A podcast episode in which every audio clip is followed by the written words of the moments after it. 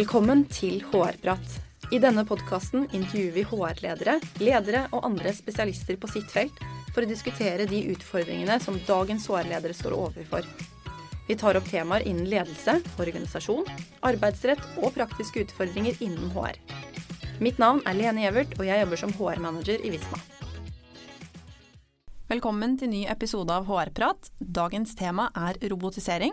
Og for å snakke om dette har vi invitert Ken Graham. Velkommen til deg. Tusen takk. Kan ikke du begynne å fortelle litt om deg selv? Jo, jeg er eh, litt over 40. Jeg er gift. Jeg har to barn eh, og en liten hund. Og har jobbet eh, innenfor IT i 20 år. Jeg har jobbet med mange ulike roller innenfor IT, både i privat sektor og offentlig sektor. Og har jobbet med, mye med test og testautomatisering siden 2012. Ja. Og dette gikk over da til mer prosessautomatisering i 2017, hvor vi begynte med et eget RPA-team. Eh, og det teamet er jo heldigvis eh, fortsatt. Vi har masse spennende å gjøre. Eh, og, og, ble siden første, i første 2020 en del av den nye CDO-organisasjonen i Visma. Ja, dagens tema er jo robotisering. Og før dagen i dag så har jeg tenkt litt sånn hvor i all verden starter vi? For jeg, når jeg hører robotisering så tenker jeg med en gang på digitalisering. Og hvis jeg har forstått det rett, så kan vel digitalisering sies å være at man innfører en digital teknologi som effektiviserer en prosess. Men vil robotisering da si å ta det et skritt videre? At ikke bare prosessen er mer effektiv, men at ting skjer automatisk? Har jeg forstått det rett da? Ja, du er inne på noe der, definitivt. Ja, inne på noe. du er inne på noe, ja. Eh, men bare begynne, for å begynne med det første først, da. Eh, vi snakker her ikke om fysiske roboter, men om programvareroboter. Ikke Terminator. Ikke Terminator. Nei. Nei. Eh, når det kommer til digitalisering og robotisering, så er jo det eh, veldig populære ord eh, som har mange ulike typer definisjoner. Mm -hmm. Men det som er felles for begge to, er at det handler om at man skal jobbe mer effektivt. Ja. Eh, og, og, digitalisering handler jo bl.a. om at du skal ha god IT-støtte for prosessene dine. Eh, og robotisering kan du putte på som deler for å f.eks. da speede opp eller øke kvaliteten i deler av de prosessene. Okay. Ja. Men skal vi komme med noen eksempler, kanskje? Kanskje det er lettere ja, å snakke om det? Ja, det tror jeg egentlig er veldig fint. For du hører jeg er litt sånn nølende her nå, egentlig. Ja. Hva, kan du gi et eksempel på en ikke-digitalisert prosess, som, og hva som skjer hvis man eventuelt digitaliserer den? Ja, La oss nå tenke deg at du jobber i et firma, og du har vært på kundebesøk. Eh, du kommer hjem med en eh, liten bunke med papirkvitteringer som du må levere til økonomiseksjonen sammen med et Excel-regneark. Mm. Du vet ikke når du får det utbetalt, du vet ikke om du har gjort noe feil. Du vet ikke på en måte noen ting om den reisen din i det hele tatt, i forhold til hvordan den blir behandlet. da. Mm. Og, og, det er noen, um, noen, bedrifter som fortsatt uh, har det på den måten her, selv om da kravet for papirkvitteringer forsvant i 2014. Ja. Så det er, det, det er, en eksempel på en ikke-digitalisert prosess. Mm. Og så kan vi jo se på en digitalisert prosess hvor man da f.eks. da har vært ute på reise igjen. Eh, men her har man et ID-system hvor man da f.eks. tar bilde av kvitteringen, og den lastes opp til et IT-system, hvor du også noterer da reisen start og slutt, hvor du har vært, etc. Mm.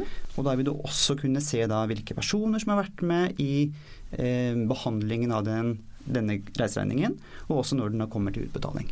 Ja. Så det er en, da har du bedre IT-støtte for alle de involverte i den prosessen. Ja. Men hva vil det da si, eh, hvis du da skal robotisere den prosessen, hva er annerledes da? Altså, hvor er det den roboten da kommer inn? Jo, da kan man f.eks. se for seg eh, den som jobber som en kontrollør, eller attestant eller godkjenner mm. i en sånn type prosess. Den vil jo da åpne opp alle kvitteringene én etter én og sammenligne innholdet. Ja, sånn se at jeg har ført riktig sum, og at det, eller det som står på kvitteringen fra og til, det stemmer overens med det jeg har skrevet på reiseregningen min. Nettopp. Ja. Og det er jo en veldig repeterende oppgave ja. som egentlig ikke skaper noe merverdi. Man skal egentlig bare sjekke at det du sier er riktig, faktisk er riktig. Og dette er et eksempel på en prosess som da kan robotiseres. Okay. Og da kan roboten da laste ned kvitteringen eller åpne opp kvitteringen og sammenligne det da med det innholdet du har skrevet. Ja.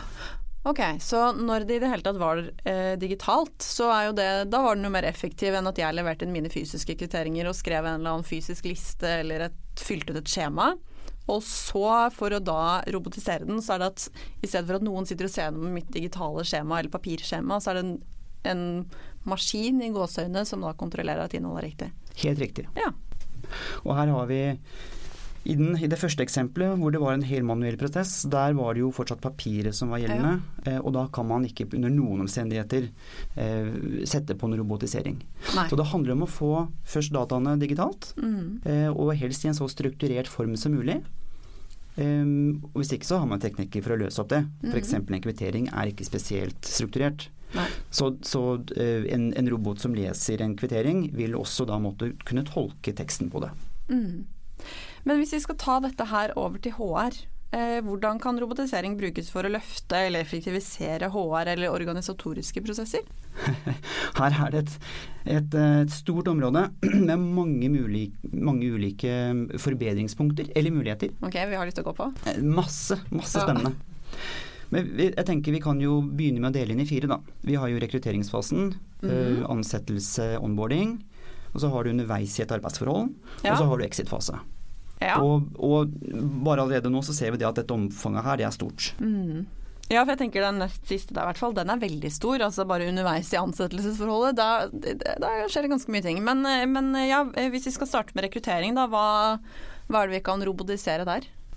Nei, jeg tenker på aller først, da, Hva er det som er mest tidkrevende, egentlig? Er det, er det det å sende ut, eller er det det å samle inn? Er det sile? Hva er Nei, Det kommer vel kanskje litt an på type prosess, men, eller altså type rekruttering. Noen ganger så er det jo veldig krevende i det hele tatt å få en riktig type kandidater, men ofte så bruker man kanskje mye tid på å egentlig lese gjennom søknader, CV-er og se hvem er det som i det hele tatt er kvalifisert, for å så bruke tid på å vurdere ok, si at du har 50 søkere, ti av de er kvalifiserte, hvilke av de ti er det vi ønsker å vurdere videre? Ja. Siling er typisk det som kommer fram som noe av det mest tidkrevende i, i den fasen her, eh, rekruttering. Mm -hmm. eh, og det hadde jo vært innmari kult hvis man f.eks. hadde en sånn kunnskapsbasert eh, kravspekk på en søker, og at man da hadde hatt noe automatikk som gjorde det at man kunne sile eller i hvert fall tagge da, de ulike eh, søknadene med om man er en sånn innafor eller utafor. Mm. Og det er jo eh, ja, noe man snakker om, men som er litt vanskelig å få til. Da. Fordi F.eks. For eh, hvis du har krav om en gitt utdannelse, mm. hvordan Altså det er mange måter å, å, i en CV opplyse om at man har en gitt utdannelse. Ja. Så det er også en del utfordringer knyttet til akkurat det mm. å kunne gjøre en smart siling. Ja. Men er det ikke også en liten sånn fallgruve at uh, holdt på å si, Vi vet jo det er at uh, diskriminering er en utfordring også i rekruttering. Eh, hvis vi mennesker gjør feil og roboter skal prøve å gjøre samme prosesser som oss, vil ikke de gå i de samme fallgruvene da? Jo, de, altså Amazon er jo et eh, stjerneeksempel på det. De, okay. had, ja, de, hadde en, eh, de hadde en fullautomatisert prosess um, som var basert på historiske data. Mm. Det som viste seg, da, det var det at denne algoritmen den var eh, kjønnsdiskriminerende. Fordi at da historisk sett så var det flere mm. menn enn kvinner som var ansatt. Så når de fant ut av det, så var det bare full stopp. Dette kan ikke vi ha noen ting av. Ja. Så det er helt klart at hvis du utelukkende baserer deg på historiske data uten å ha et kritisk blikk på hva som ligger i de dataene, da kan du få det som heter for et bias, eller et, et, et uh, falskt utgangspunkt. Ja. Mm. Men jeg tenker i, eh, i, rekrutteringsfasen, og spesielt hvis du har en, en, altså en strukturert tilnærming til til f.eks. av krav på utdannelse, mm. og man har et, et, eh, system hvor faktisk den enkelte søker må opplyse om i hvilken grad man, man treffer på de kravene, mm. det vil jo en sånn type silingsprosess kunne skje ganske så automatisert. Mm. Men du nevnte at uh, onboarding eller ansettelsesfasen den kunne, også, kunne man automatisere. Hva er det som kan automatiseres hvis man holdt på å si allerede har tatt rekrutteringsfasen? Så har man en som blir ansatt, hva skjer så? Det aller første er jo det at den ansatte må signere ja. kontrakt. Eh, og det er jo mange som fortsatt signerer med penn, altså med kulepenn. Det ja. kan jo fint gjøres digitalt. Ja. Ikke noen grunn til at det må skje med penn og papir. Mm. Så det er punkt nummer én. Punkt nummer to er jo det at når du har en, en aksept på en søker, så skal du da ha all informasjon om den ansatte inn i f.eks. lønnssystem eller HR-system. Og det er dessverre en sånn det, slik at mange puncher, sitter og puncher manuelt. Ja. Og da er det kanskje informasjon som du egentlig har fått minst én gang før, om ikke flere. Helt Navn riktig. på den ansatte, eh, fødselsdato og kanskje adresse bør ha stått i hvert fall på CV-en. Helt Kanskje riktig. søknaden også.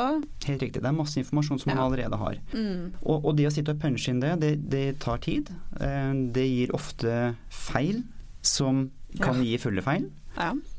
Så eh, f.eks.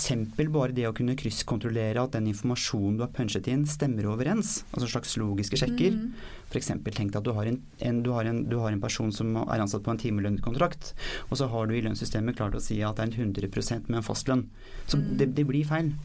Og det samme hvis du har en honorarlønnet da, som plutselig får, eh, får full ferieopptjening. Så, så, så, ja, det skaper Ja. konsekvenser. Ja. Så, så ha noe logikk som fanger opp dette, det skaper mye verdi. Eh, men så da, eh, hvis man da automatiserer ansettelsesfasen, eh, er det noen spesielle ting du tenker når man først er ansatt? Altså gjennom ansettelsesforholdet, er det typiske ting du ser man kan automatisere da? Altså underveis i eh, når den ansatte er Når man har startet i ny jobb Ja. og er eh, holdt på å si ferdig onboardet, Yep. har begynt på jobben og er ansatt eh, forhåpentligvis i lang tid? Ja, da er det forskjellige typer ting man også kan se på. Det som noen har begynt å se på er dette med churn prediction, altså finne ut hvorvidt en ansatt er i faresonen. Ok, det er spennende. Altså for å si opp, antar jeg? For å si Ja. opp. Ja. Mm -hmm. Og det er jo fordi at det handler om hvilke data man har tilgjengelig. Og, Mhm. og det kan jo være at Um, at man da klarer å fange opp mønstre i dataene sine som faktisk klarer å lage modeller som sier det at ok, disse personene er nå i en faregruppe. Ja. Og Det er jo litt interessant, da. Eh, eller ei, da kan man jo kanskje også være inne på noen sånne etiske eller litt sånn utfordrende kanskje gråsoner, tenker jeg. Eller vi har jo Ja. Jeg tenker at det er andre gråsoner som er, kanskje er mer grå enn dette. Ja. Fordi her handler det jo om at man utstyrer leder eller HR med et verktøy som faktisk sier det at obs, obs, pass på. ja. Eh, og det er ikke sikkert at det er eh, fryktelig uetisk. Nei. Men, det er, eh, men, men eh, når man er inne på etikk, så er det jo f.eks. EU har jo egne initiativ gående for å lage etiske, etiske retningslinjer, som f.eks. sier det at som et menneske skal jeg kunne vite eh, hvilke algoritmer som har, som har behandlet noe data om meg. Ja, ok, så jeg som ansatt skal kunne vite hvis min arbeidsgiver da eh, predikerer eller prøver å forutsi om jeg ønsker å si opp? Ja, Det kan jo på en måte være tiltak da, for å Ja. uh, bøte på det spørsmålet hvorvidt det er etisk riktig eller ikke riktig. Ok. Mm.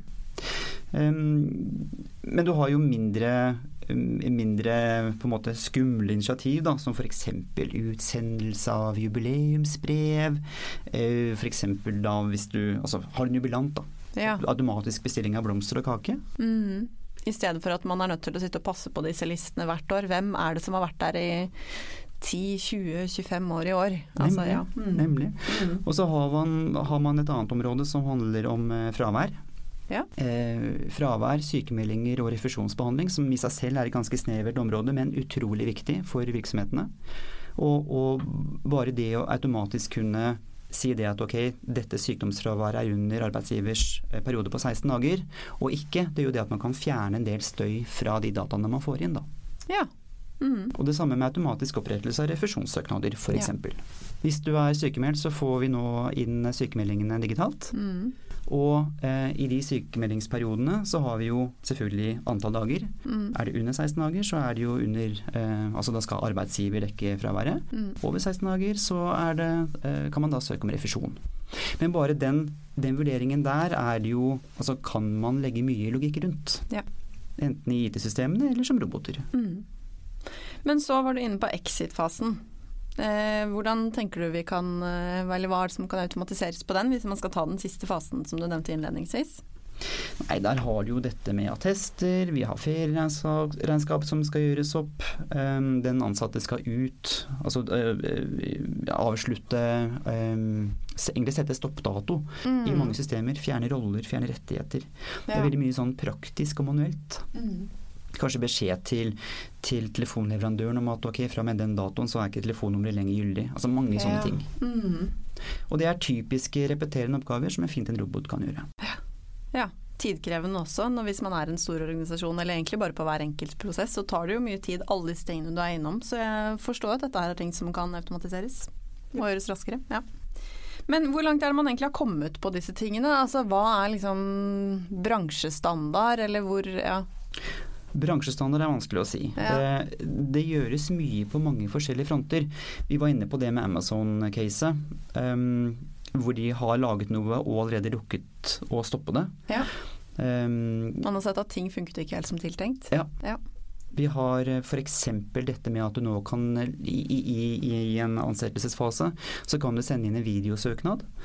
Eh, og det Mm. finnes jo nå også funksjonalitet som gjør det at man kan finne ut hvorvidt eh, den, den som har spilt inn videoen, da, har en positiv fremtoning eller en negativ fremtoning. Mm. Og det, det heter sentiment analysis. Og, og det er jo informasjon du kan trekke ut og egentlig berike Ja. eh, søknaden med. Da. Ja. Så du kan jo ja, og, og der er vi i dag, men i hvilken grad ulike ansettelsessystemer eller rekrutteringssystemer har det implementert, det er jeg usikker på. Nei, men utviklingen har kommet et godt stykke, er jo tydelig. Ja, det er helt sikkert. Hmm. Men i forhold til ansettelse, da, der, eh, er det vel, eh, der har man vel kommet litt lenger sånn generelt i bransjen, har man ikke det? Og tatt i bruk noen av de tingene du er inne på? Jo da, digital signering, selvfølgelig. Um, I forhold til eh, roboter for å kvalitetssikre og kryssjekke data, ja, definitivt. Um, vi vet om flere bedrifter og, og case hvor de har roboter for å, å onboarde en ansatt i ulike systemer. Nettopp for fordi at de skal bare opprettes i en hel haug av systemer. Ja. Så der, der er det mange ulike initiativ som, som pågår. Mm. Og, og det samme med, med underveis, da, i forhold til da de mulighetene vi har fått med digital eh, sykemelding Mm. og e-dag, så er det jo klart at det er veldig mye data som før kom på papir, som nå kommer i elektronisk form. Og så Ja. lenge vi har de strukturerte dataene, så kan vi også gjøre en rekke ulike eh, vurderinger av altså f.eks. av dette med over eller under 16 dager. Ja. Det er jo en direkte konsekvens av at vi får sykemeldingen digitalt og ikke på papir. papir. Og så på offboardinga, er, det, en- er man kommet like langt der som på ombordingsfasen med automatisering?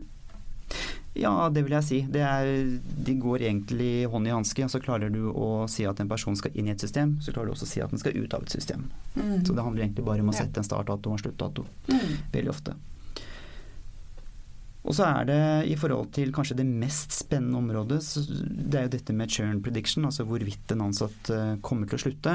Der, er, der har man kommet ulikt. Det er ulike initiativ fra både private aktører og fra IT, altså, og, og fra leverandører. Mm. Eh, Men det er vel ikke noe, ikke noe bransjestandard ennå. Det som er felles for dette, er jo det at det er den kvaliteten du har i dataene dine, som er utslagsgivende. Ja. Og vi kommer helt tilbake til det at vi, har vi ikke dataene, så får vi heller ikke laget gode modeller. ja, og det er jo litt sånn, holdt på å si, har du dårlige data eller mye rot, er, er det dårlige data du putter inn, så får du vel kanskje dårlige resultater ut også. Helt riktig. Ja. Shit in, shit out. Ja, godt sagt. Yep. Men jeg tenker dette her må jo være et stort konkurransefortrinn. Altså du sparer jo masse tid på disse tingene her hvis man er god på å automatisere slike prosesser. Men det må jo være noe risiko også å ta sånne ting i bruk. Du er jo litt inne på det i forhold til data. Vi var også litt inne på det Amazon-eksempelet ditt. Hvilke utfordringer eller risiko er det ved å ta i bruk eh, eller altså, ja, begynne å robotisere, automatisere prosesser? Det er mye man skal tenke på. Eh, men nei, altså for å begynne med det første først. Du, du, om du gjør dette riktig, så kan du skrive hjem en, en, eh, en Ja, du kan, du kan få god gevinst Ja. ved å robotisere. Det Ja. kan du. Men det er klart at um, Nummer én, velg et godt verktøy. Det finnes en rekke ulike leverandører på markedet i dag som mm. tilbyr verktøyene. Verktøyene er ganske like, egentlig. Um, så det, det er lett å komme i gang. Men verktøy er jo ikke det første. Det viktigste er egentlig det at du har innsikt i egne prosesser. Ja. Hvis du er du en mellomstor til stor bedrift da, og du har mange ansatte innenfor HR f.eks., mm. jobber alle likt? Altså, når når man snakker om en, en, en rekrutteringsprosess, Ja. er prosessen egentlig lik, eller jobber forskjellige mennesker på forskjellig måte? Og det samme med, med å få en person inn i et lønnssystem. Puncher alle dataene på lik måte, eller er det ulikheter? Mm. Det vi har sett er det at det er, det er oftere ulikheter enn likheter. Så det å vite Ja. hva du gjør og hvorfor du gjør det, Det er step 1. Ja. For det er med et, et, eh, et robotiseringsverktøy så er det veldig fort gjort at man eh, automatiserer en kanskje en dårlig prosess. Mm. Så bruk gjerne tid på å vite hva prosessen din egentlig er, og kanskje til og med redesign eller gjøre om prosessen din før du virkelig begynner Ja. å eh, automatisere. Mm.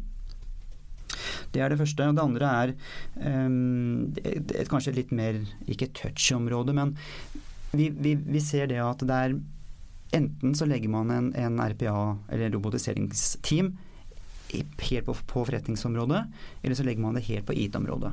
Ok. Og det, det kommer litt an på hvem som tar initiativ. Um, vi ser jo ofte det at det er eh, Forretningsområdet kan ta initiativ fordi at de ser besparelsen. Mm.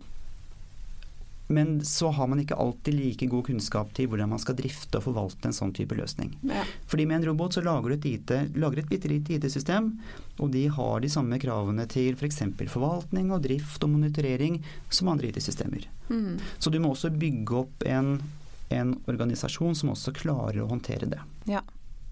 Få med seg folka. Få med seg folka. Ja. Ja. Mm. Men hvis du prøver å se litt sånn inn i krystallkulen, hvordan tror du dette her kommer til å utvikle seg fremover i forhold til hvor vi er i dag? Det kommer til å være mye mer. Um, ser vi ti år tilbake, så var det veldig mye lokale installasjoner. Man har brukt det siste tiåret på å flytte IT-applikasjonene opp i skyen. Mm. Og Og der har vi vel et stykke igjen også, de fleste selskaper i dag. Ja, det kan være. Mm. Det kan være. Med, med skybaserte tjenester så vil det også være lettere å kunne koble seg på med en robot for å f.eks. copy-paste eller kopiere data mellom IT-systemer. Ja. Men, men um, det vi ser er, er at uh, både initiativene fra IT-leverandørene, men også kravene fra kundene, handler mer og mer om at man skal kunne automatisere, robotisere.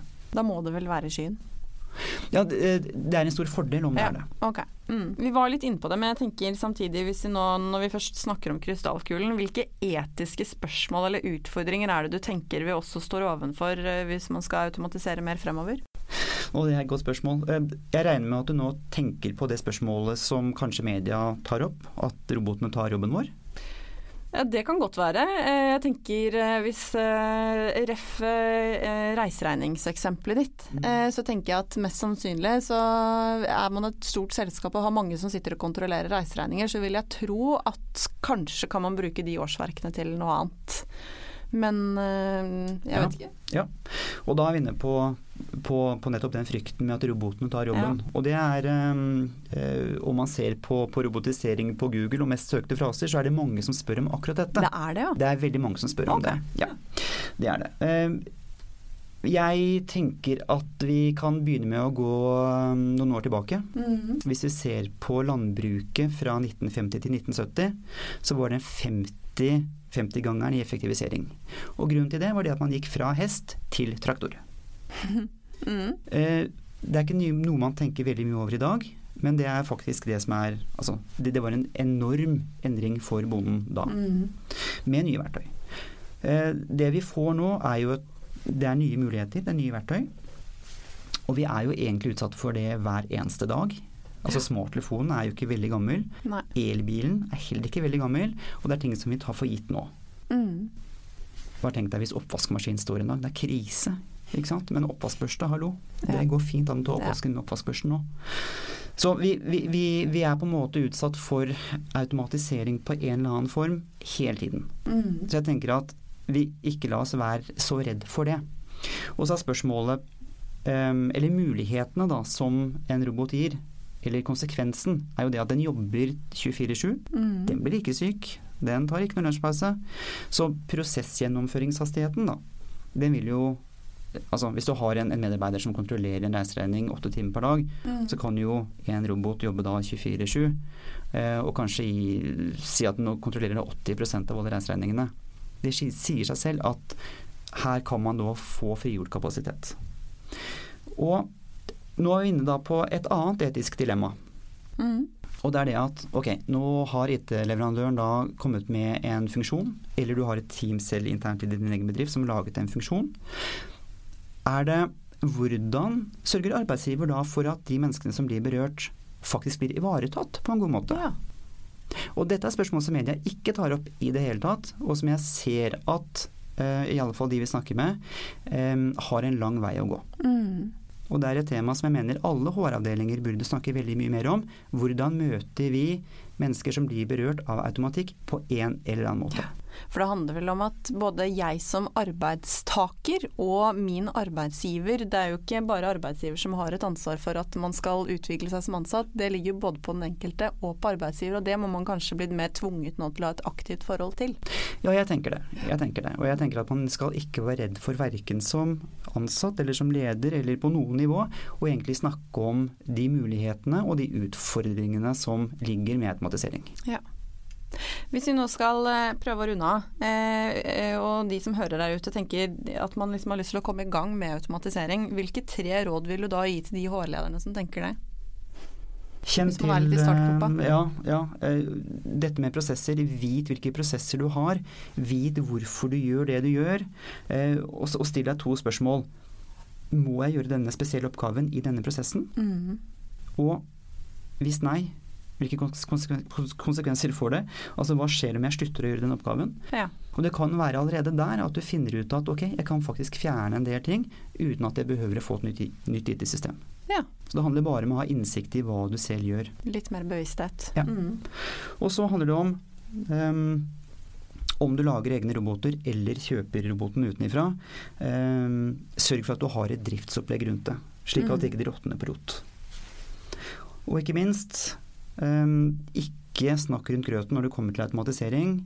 Om du anskaffer et system eller utvikler en robot, snakk med de ansatte med en gang om hva som er strategien, hvordan endringene påvirker menneskene, og eventuelt hvilke, hvilken plan man har med da overtallige. Mm. Tusen takk for gode råd, og tusen takk for at du kom. Bare hyggelig. Og til deg som hører på, vi prates. Hvis du har temaer eller spørsmål du ønsker vi skal diskutere, send oss gjerne en mail på hrprat.visma.com. Og for flere episoder, sjekk ut visma.no slash podkast slash hrprat.